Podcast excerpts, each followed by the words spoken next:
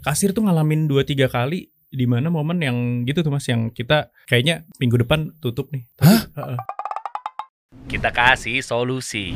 Ah enggak, guys, orang ini bisa kasih kita nih bantuin buat para UMKM modal hanya menggunakan satu langkah doang. Widih. Amin. Dia Insya dekat banget soalnya Insya Allah gitu ya Karena dia dekat banget sama beberapa apa ya komunitas-komunitas UMKM yang tersebar di seluruh dunia Indonesia. Oh Indonesia Iya iya iya Nah gue penasaran tuh. Soalnya Iya. biasanya kendala UMKM-UMKM tuh eh, Ya jujur ya Mhm. Mereka butuh modal Betul betul. Baik itu yang baru berjalan Atau yang mungkin sudah bertahun-tahun jalan Iya. Nah Exactly. cuma kendalanya gara-gara mungkin dia nggak terta apa ya nggak menarik perhatian investor Mhm. sehingga ada satu poin yang menjadi kesalahan buat dia nih Yes. Mungkin gara-gara itunya, gara-gara ininya. Nah, dia bisa ngasih tahu ke kita sebenarnya eh, rumus apa yang dipakai sehingga ada investor ngelirik usaha lo, dilihat, oke, gua Hmm. join sama lo. Gitu ya. Iya iya. Clear di situ ya. Insya Allah clear. Masya Allah. Berapa kira-kira sih modalnya? Kalau biasanya eh, investor biasanya ngelirik UMKM tuh Oh, nurunin eh, berapa sih?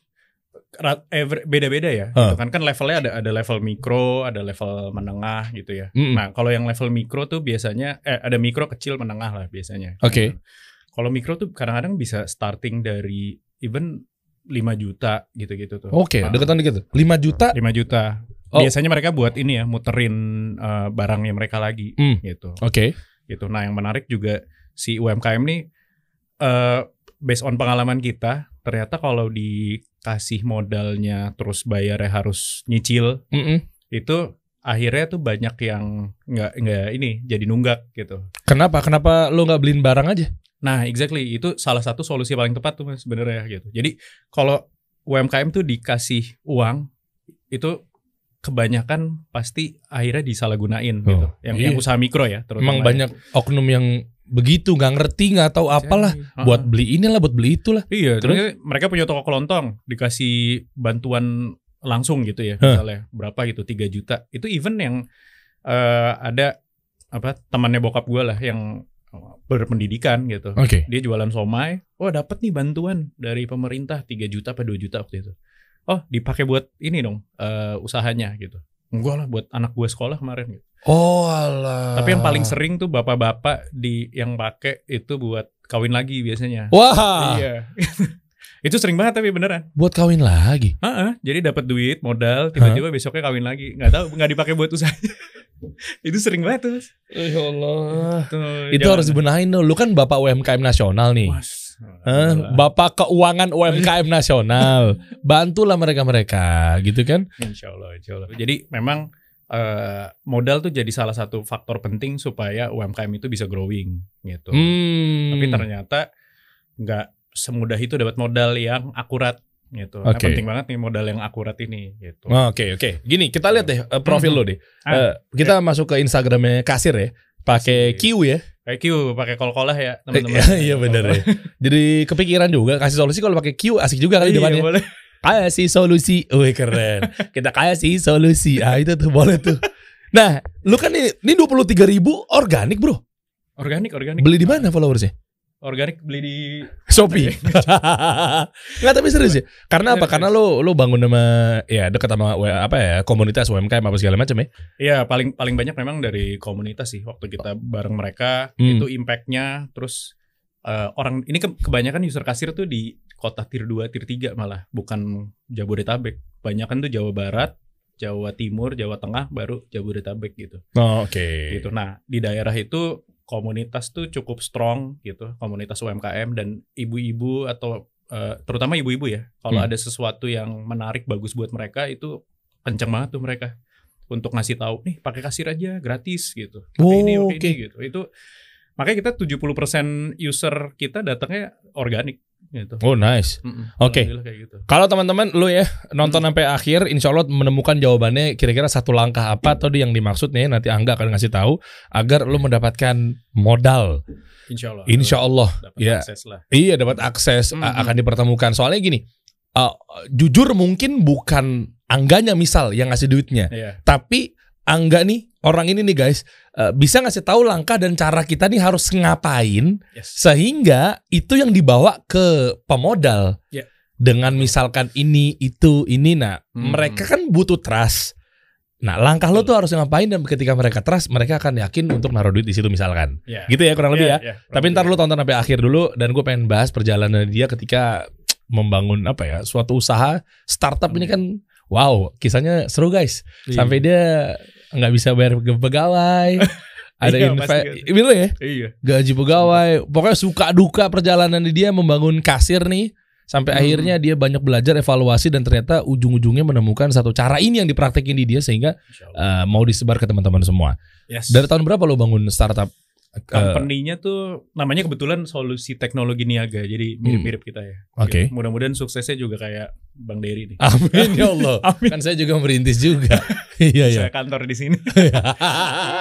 Oke terus? Iya iya. Nah 2015 tuh company-nya gitu. Itu gue berdua sama Novan partner gue. Dia tuh ya legend di industri teknologi lah gitu. Orang IT jago banget lah gitu. Modal berapa awalnya?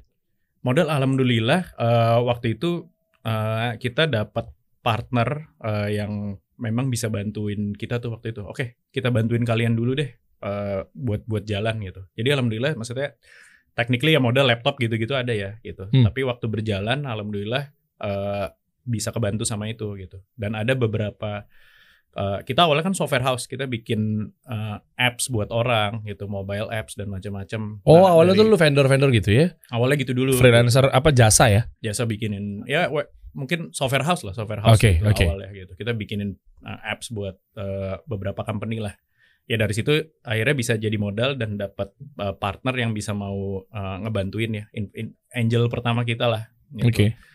nah uh, itu tapi ya 2015 company-nya jalan kita nggak bisa fokus bikin produk kan karena kan harus itu kan harus tadi kan ke klien lah bikinin apps buat klien gitu Oke. Sampai era 2017 2016 Oh. dapat Hmm. eh, investor Mhm. dapat investor terus eh, 2017 akhirnya produknya kasir bisa rilis tuh Oh Gitu. jadi bisnis modelnya memang secara positioning adalah ini ya POS ya point of sales ya. point of sales Jadi Iya. untuk apa namanya? Eh ya kasir ya. catatan ha, kasir Catatan sesuai kasir namanya. sesuai namanya dan digital ya. Iya.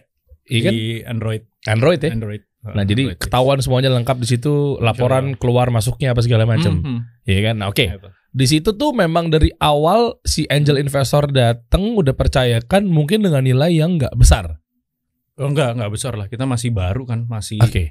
even masih idea waktu itu Oh, kita oke. pengen bikin gini marketnya kurang lebih segini gitu dan Oke. kita lihat nih potensinya gede nih gitu Apa yang lo harus lakukan pertama kali ketika ngebidik market bahwa ini Hmm. sebelum cerita tentang lo jatuh parahnya ya. Kan katanya lo sempat jual rumah ya. iya iya Wah jual Gua jual rumah. rumah jual rumah eh 2016 akhir lah gue jual rumah partner gue jual tanah tuh si Novan itu Ini setelah bangkrut eh sorry maksudnya se- Hmm. menuju detik-detik akhir atau jual rumah untuk buka usaha maksud gua gitu buka kasir Enggak, ini. enggak. justru kasirnya udah mulai jalan tapi ada investor mau masuk nih nah di jeda itu waktu itu dia belum masuk tuh gitu. Kita uang kasir tuh waktu itu udah tinggal mungkin 30 apa 50 juta gitu. Oke 50 juta dari modal berapa? Eh, lupa gue mas. Eh nyampe enggak enggak. Ya di awal enggak enggak nyampe enggak nyampe. Nggak nyampe? Enggak nyampe sih. Sampai Ratusan akhirnya lah waktu itu. kenapa bisa kehabisan bensin di tengah jalan? karena kita waktu itu fokus bikin produk kan. Kita harus Oh. produk belum ada revenue dari situ. Jadi ya udah kita fokus bikin produk ada investor mau masuk kayaknya oke kita fokus ya nih katanya investor mau masuk bentar lagi Hmm.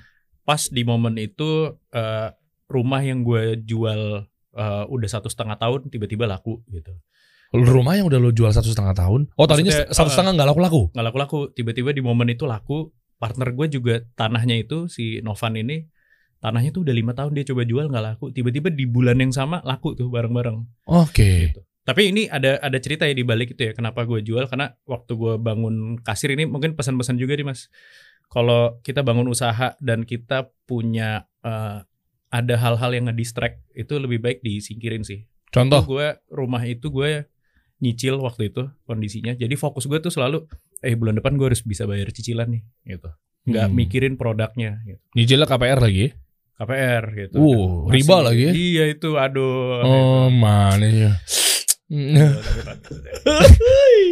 ya alhamdulillah alham- alhamdulillah habis itu terus Eh. ya udah sampai sekarang alhamdulillah sih maksudnya gue sama istri kita fokus untuk uh, kita nggak ada utang sama sekali gitu zero debt lah Nah, ini. dan akhirnya alhamdulillah bisa fokus ini yang kasir gitu Hmm. Nah itu kondisinya gitu waktu rumah laku tanah partner gue laku kita ceritakan eh tanah gue laku nih gue rumah juga laku nih gitu Oh. oh ya udah alhamdulillah investor belum masuk gitu. Ah ini anak-anak gimana gajiannya? Gitu. Kita waktu itu masih 17 orang lah kasir waktu itu. Masih 17 17 orang. apa aja dulu cara gue pengen pelajarin sama lo deh. Maksudnya Mhm. gue pengen belajar dari lo adalah bisnis model kayak semacam eh, startup Hmm. untuk tech em, apa ya pencatatan atau orang. keuangan ya. Mhm. seputar kayak gitu kasir gitu ya. Hmm. itu dibutuhinnya apa aja sih paling banyak? IT ya paling karena core kita di tag sama produk pasti di tag sama produk eh, timnya. Oh gemuknya OPEX-nya di situ? Iya, salah satunya situ sama mungkin tim marketing lah. Sisanya op- ops ops ops gitu kan masih bisa di eh, support ya. oh marketing buat ketok pintu door to door ya? Iya, buat buat door to door. nawarin ke toko kelontong. Hmm, hmm, hmm. kok mau nggak kok? Gitu kan? Nih pakai aplikasi gini. Iya gitu. ah lu mah gue udah laku udah rame udah laris. Makasih kok balik gitu. Satu lu ngerasain kayak gitu? Iyalah, di awal-awal gue yang keliling lah satu-satu. Berdua itu gue awalnya keliling. nawar nawarin Nawar-nawarin. Gitu. Sampai ini Ya. baru nih the real startup nih Iya, karena harus tahu kan ininya bener-bener eh, apa jualannya nih gimana sih gitu ke orang sebe kita harus tahu bener-bener ini beneran problem buat mereka nggak sih catatan ini gitu oke gitu ya ya udah sambil jalan gitu ya sampai tadi ya balik lagi yang ke Hmm. cerita itu eh akhirnya alhamdulillah pas itu kita bisa ba- ngega apa ngejual rumah sama tanah itu buat ngegaji orang kurang lebih kayak tiga bulan gitulah Oh jadi buat tiga bulan ke depan atau tiga bulan nunggak yang kemarin? Enggak, tiga bulan ke depan. Oh, Gitu. Oke, 17 orang itu. Habis itu tapi udah habis tuh duitnya. Ya. Alhamdulillah tapi masuk gitu. Jadi udah mepet gitu deh. Hmm. Ya alhamdulillah masuk dah aman gitu, Suka duka membangun startup gitu deh. luar biasa. Terus eh gimana? Apa duka lagi yang lo jalanin ketika lo berdarah-darah? Iya itu ya eh, Sebelum lo dapat investor yang beneran ya? Iya iya, Ha, itu lumayan sering kita karena eh, di startup ini kan salah satu ininya kan di di di ini ya investment game kayak gini kan Hmm. gitu. Ya sempat memang juga kondisi di mana kayak gitu lagi tuh. eh, kita sempat ada klien yang oh kita bergantung banget nih sama ini klien nih gitu. Nanti kalau ini dapat aman nih kita duitnya gitu. Eh, tiba-tiba kesikat sama ada satu startup yang lebih gede masuk ke klien itu lebih trust. Wah udah Sebut saja. jangan lah jangan. Enak. Baik-baik soalnya orangnya. dulu, dulu belum kenal. gitu deh bahaya nih suka. Aduh. Eh, Nggak, jangan dipancing-pancing mas serius. oh, iya, iya, iya, bahaya iya, nih. iya. aduh. Soalnya kompetitor lo juga ya? Eh, waktu itu di dulu ada bisnis yang mirip lah. Dia punya bisnis unit yang mirip dengan ininya kasir. Yang warna apa? Akhirnya si klien pilih dia. Iya, karena lebih- Kenapa lu kurang unique selling proposition pada saat itu mungkin? Iya mereka dengan tim lebih banyak, lebih udah proper gitu. Nih kita sistemnya udah jadi gini gini gini gitu. Oh. Tapi kasir tuh ngalamin dua tiga kali di mana momen yang gitu tuh mas yang kita eh oke, di kayaknya minggu depan tutup nih gitu. Hah? Heeh. ngalamin kayak gitu. Eh, Itu gue juga sempat ngalamin awal-awal kasih solusi itu. Ya udah mau tutup ya. ya, maksudnya kayak nih, bukan tutup sih kayak eh ini gue minggu depan anak-anak gajian nih. Iya iya. ini gue bulan depan anak-anak deg-degannya di situ ya startup Iya, iya. begitu kan. bener. Ini kita Exactly. saling curhat ya guys ya. Bener, Maksudnya bener, bener. begitu ngerasain hal-hal kayak gitu dan jadi jangan Yes. lu ngelihat bahwa ih sekarang brand ini udah begini, ih sekarang udah begini-begini. Mhm. Lihat deh kita berdarah-darahnya. darah-darah banget. Gitu. Kalau kalau gue sama partner gue dia selalu bilang tuh kurva J tuh mas gitu. Jadi kita Wih. mulai kan di sini nih. Hmm. Terus tiba-tiba udah kan keluar duit, udah mau habis. Di sini nih di tengah-tengah nih bergantung nih. Kalau investor masuk aman. Oh jadi bukan bergantung sama Allah.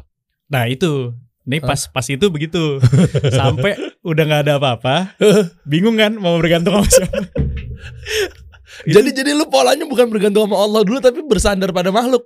Manusia kan, lihatnya kan gitu kan. Oh, fitrahnya dulu begitu. Itu gitu. Sekarang masih. alhamdulillah berkurang. Udah. Oh, oh, tapi Enggak lah, insya Allah. enggak. oh masya Allah. Terus akhirnya tapi kita udah turun nih. turun, bergantung investor, bergantung eh, klien kalau bayar. Waktu itu ya sampai jual rumah, sampai udah dibawa banget, udah nggak ada apa-apa lagi nih kita. Ya udahlah, gitu kayak wah selama ini lupa nih bergantung sama Allah nih ternyata. Ini Jadi bener-bener pas pasrah itu eh, eh sorry kurvanya kebalik. Jadi dari sini mulai. Eh, Ah, eh, ini Anda mau nyuruh Eh. editor saya ngedit nih ya? Enggak, enggak. Enggak, enggak, ulang aja, ulang, ulang. Ulang Udah, nggak usah edit ya. Memang mencerminkan bahwa memang dia apa adanya orangnya. Iya, iya, iya. Gitu ya. Iya, jadi mulainya dari sini. Oh, jadi diulang nih? Eh, kenapa kenapa nggak dari sini aja? Oh, Ini susah ya. susah kayaknya. Ini Dari- ini gol ininya justru. Oh, oh gitu ya udah. Ini perkara jari doang lama banget nih urusan. Ya udah coba aja Jadi ulang, gitu. ulang, ulang. Eh, ini dari sini. Ya kan awalnya bergantung nih, Set. bergantung investor, bergantung Ulang, ulang lagi, klien. ulang lagi. Biar Iya. ada obrolan nih. Iya. Oh, berarti lu bukan bergantung sama Allah di sini. Enggak, eh bukan gitu. Oh, oke. Ah, Nah, ini di ceritanya nah Set, pas set. sampai bawah udah habis banget tuh, rumah udah habis. Oke, di sini nih. Udah- Iya, udah di bawah banget. Hmm. Ya di situ baru kayak ngeh gitu. Ini kita kok bergantungnya sama klien sama investor sih gitu yang punya duitnya kan sebenarnya Allah semua nih gitu. Dia maha kaya. Iya makanya terus di mana sewaktu kita pasrah itu malah parah banget mas. Jadi habis dari sini pas kita pasrah banget nih karena nggak ada apa-apa ya, Hmm. itu naik langsung Wah, kayak ditampar-tampar duit gitu. Bener-bener waktu itu itu macam-macam lah gitu. Maksudnya bukan uang doang ya. Hmm. Apa tiba-tiba gua hamil apa ya gua hamil. Oh iya, oh Aduh, gitu. Selamat ya. Anda bisa hamil ternyata. Bini gua hamil. Oh iya benar. gua, gua. Oh, iya, iya. Aduh, ah, nggak bisa aja. Salah mulu. Iya. salah mulu udah ke sini pakai jaket partai. Iya. Bukan mata ini ya, kasir ya, Oh, aman iya, ya. iya, iya. Aman guys. Saya pikir jaket partai. Kalau jaket ya? partai saya harus suruh copot dulu di luar. Di sini bukan tempatnya kampanye. Oke terus? Iya gitu. Terus apa namanya? eh habis itu ya gitu. Dia alhamdulillah partner gue juga istrinya hamil. Terus eh macam-macam lah. Tiba-tiba Allah ngasih banyak banget gitu. Yang benar-benar tadinya kita di sini doang. Oke. Itu spike langsung begini mas gitu. Nah ini Wah, gitu. guys kuncinya guys kan udah tahu ya kita ya bahwa banyak ustadz-ustadz kita yang menjelaskan bahwa Islam itu sama dengan menyerah. Betul. Nah, jadi ketika kita serahkan semuanya, kita pasrah sama Allah Jalla wa ala dan lain sebagainya di situ bahwa Allah melihat, nah ini nih, ya kan dia benar-benar bergantung, Iya. gitu kan. Nah ini nih benar-benar memasrahkan Mm-mm. bahwa aku yang memiliki segalanya. Yes. Begitu kan Betul. kata Allah kan sehingga langsung jas. Iya. Makanya makanya kan harusnya tuh di sini udah pasrah aja cepet-cepet gitu. Hmm. Maksudnya ya kita walaupun posisi kita lagi di atas ya pasrah aja ya kan semuanya kita ikhtiar aja kan Iya. semaksimal mungkin nanti Allah yang ngaturin aja gitu. Oh iyalah hasil bukan dari kita, hasil mah ter- Iya. terserah Allah, kita mah ikhtiar Hmm. aja dituntutnya. Sampai pas naiknya gara-gara apa tadi? Macam-macam ya itu. Karena investor datang. investor masuk Ush. terus tiba-tiba ada aja lah maksudnya dari luar yang itu ya yang gue selalu ingat salah satu Ustadz Ustadz Nuzul waktu itu. Eh, eh ini nggak apa-apa kan nyebut nama Ustadz? Iya nggak apa-apa. Apa ya? Nuzul sempat ada video dia yang bikin kita ngena banget tuh dia selalu dia ingetin sih sebenarnya ada ada Hmm. satu hadis atau ayat gitu yang bilang ya rezeki itu datang dari tempat nggak diduga-duga gitu. Hmm. Ya ngapain kita duga-duga gitu. Iya. Kita mikirinnya "Hmm, dari investor, dari klien, dari ini gitu. Dalil ya. Tadi kan lu nanyakan dalil apa hadis ya itu dalil Itu dari dalil Quran ya. Ah, ah. Surat At-Tolak Iya, dari ayat Benar, 2 sampai ayat 4 tuh. Allah Oke. itu itu kan bener-bener ya pas kita nggak duga-duga malah di macam-macam tuh dikasihnya. Asal Poma ya takillah ketika kita takwa sama Allah. Betul. Nah tadi kan Allah. tempat salah satunya adalah ketika lu takwa benar-benar gue pasrah ya Allah, Exactly, gue serahkan iya, iya. semuanya dan aku tidak ber eh, apa ya berharap dengan sesuatu Mm. selain dari Engkau ya Allah kan gitu kan? Bener. Ah, Pasti kan eh, dekatkan aku dengan yang halal, jauhkan aku dengan haram. Tis langsung tuh. Langsung iya. Itu masya Allah deh. Oh, Gitu Oke. sih. Ya, tapi banyak ya harusnya kayak gini orang banyak sih ngalamin. Ya Mas Dedi juga pasti ngalamin kan Hmm. kondisi-kondisi gitu gitu. Jadi ya itu lika-likunya entrepreneur kayak gitulah gitu. Oke, berapa nilai dari investor yang pertama kali tiba-tiba oh, Allah datangkan? Eh eh emang nggak nyebut angka nggak? apa? Eh, Enggak tahu. Jangan deh. Oh, lu gak mau? Jangan deh jangan. Oh, jangan. enggak kalau enggak gue yang buka. Oh. Ini ka- kasih solusi. Ya. enggak, enggak, gue yang buka angkanya kan gue udah dikasih tahu. Cuma kan tugas Oh, saya kan cuma memancing aja. Ya, Kan gue nggak mungkin gue buka di sini 75 miliar. Wah bener-bener nih. Tolong ya bapak-bapak. kan gue gak bilang. Iya iya. Iya kan gue Iya, gak, iya. gue gak bilang lu buka atau lu dapat 5 juta dolar kan? Iya. terus terus. Waduh. Itu terus terus ada kenapa? Ah gini, poin yang mau diambil adalah gimana caranya meyakinkan investor datang ke lu sementara usaha lu belum growing. Beberapa jadi investor itu biasanya ngelihat dari eh, beberapa hal ya. Satu adalah eh, ini eh, produk market fit gitu. Itu Iya. yang paling penting sih sebenarnya. Ini Oke. beneran fit nggak sih buat orang? Buktinya apa fitnya gitu. Kadang-kadang kita bisa kasih contoh aja. Misalnya, oh ini udah ada user berapa banyak yang pakai dan mereka aktif gitu. Kita butuh scale begini gitu. Oke. Nah itu itu yang biasanya mereka yakin eh, kenapa ini bisa potensi besar dan yang kedua itu founder pasti investor tuh ngelihat foundernya siapa gitu selalu tuh. Story ya. Jadi Bukan. 80% investor tuh pasti ngelihatnya founder ya. Apa siapa. nih foundernya siapa nih? Maksudnya secara personal brand Mm-mm. atau secara memang pengalamannya atau Hmm. secara banyaknya followers atau mungkin digandrungin sama kaum kaum daerah ikan gue nggak tahu makanya gue nanya Oh iya, foundernya tuh lebih ke kalau yang gua eh, ngobrol ya, itu Hmm. lebih di karakter sih gitu, insya Allah ya. Jadi lebih di karakter karena mereka tuh kalau bisnis ini nggak jalan, kalau karakter orangnya bagus, pasti dia akan cari cara supaya ini bisa di bisa ngejagain uang yang dia titipin. oh berarti karakter lo bagus tuh pada saat itu Insya Allah ya, insya Allah ya. oh gimana eh, Amin amin. dari hal apanya nih yang mungkin dia melihat kok lu bisa bisanya eh ya gue mention ya dapat dana investor yang mungkin sekian gitu kan Hmm. yang wow gitu nilainya Ah. apa mungkin tips buat para founders di luaran sana Sebenarnya kasih tahu apa adanya dan secara logik sih. Maksudnya jangan terlalu banyak hal-hal yang dibuat-buat gitu. oh ya banyak tuh startup tuh ketika pitching ke investor tuh iya. di karang-karang kan installernya udah puluhan juta gitu terus aktifnya nggak pernah disebutin oh iya gitu gitu misalnya kayak gitulah gitu ya Hmm. kita sih kalau di kasir ya prinsipnya kita kasih tahu apa adanya kita eh ya jelasin apa adanya lah gitu bener-bener ya kalau memang nggak mau ya berarti emang bukan dia yang cocok di sini gitu Hmm, Gitu sih. Oke. itu itu yang yang gue alamin sih mas kayak gitu Artinya kan berarti lu juga dekat banget sama UMKM. Sampai Yo. akhirnya sekarang ada si kasir ini udah berapa tahun? udah 2015 eh rilisnya 2017 ya 2017. Berarti lima tahun ya. iya lima tahun Lima tahun lu udah penetrasi ke daerah-daerah. Tadi lu bilang tier 1, eh sorry tier 2, tier 3 ya. Mm-mm. Artinya mungkin kalau bahasa lainnya second city, third city. betul Ya kan? Betul. Berarti mungkin lu ke Sragennya, ke Klatennya. iya. Gitu kan? Ci, ci, ci gitu lah, Cilacap, Ci apa. gitu, Ah, bener kan yang begitu-begitu kan. Nah, eh, gedenya di situ gitu ya. Iya, kita sekarang kalau secara user itu Hmm. udah ada sekitar 1,2 juta lah pedagang di 514 kota Wow. gitu di Indonesia ya. Wow. Gitu, alhamdulillah sih gitu. Oke. Terus kendalanya biasanya apa sih para UMKM yang dimaksud adalah menggunakan point of sales Mhm. atau mesin kasir secara digital Mhm. gitu ya.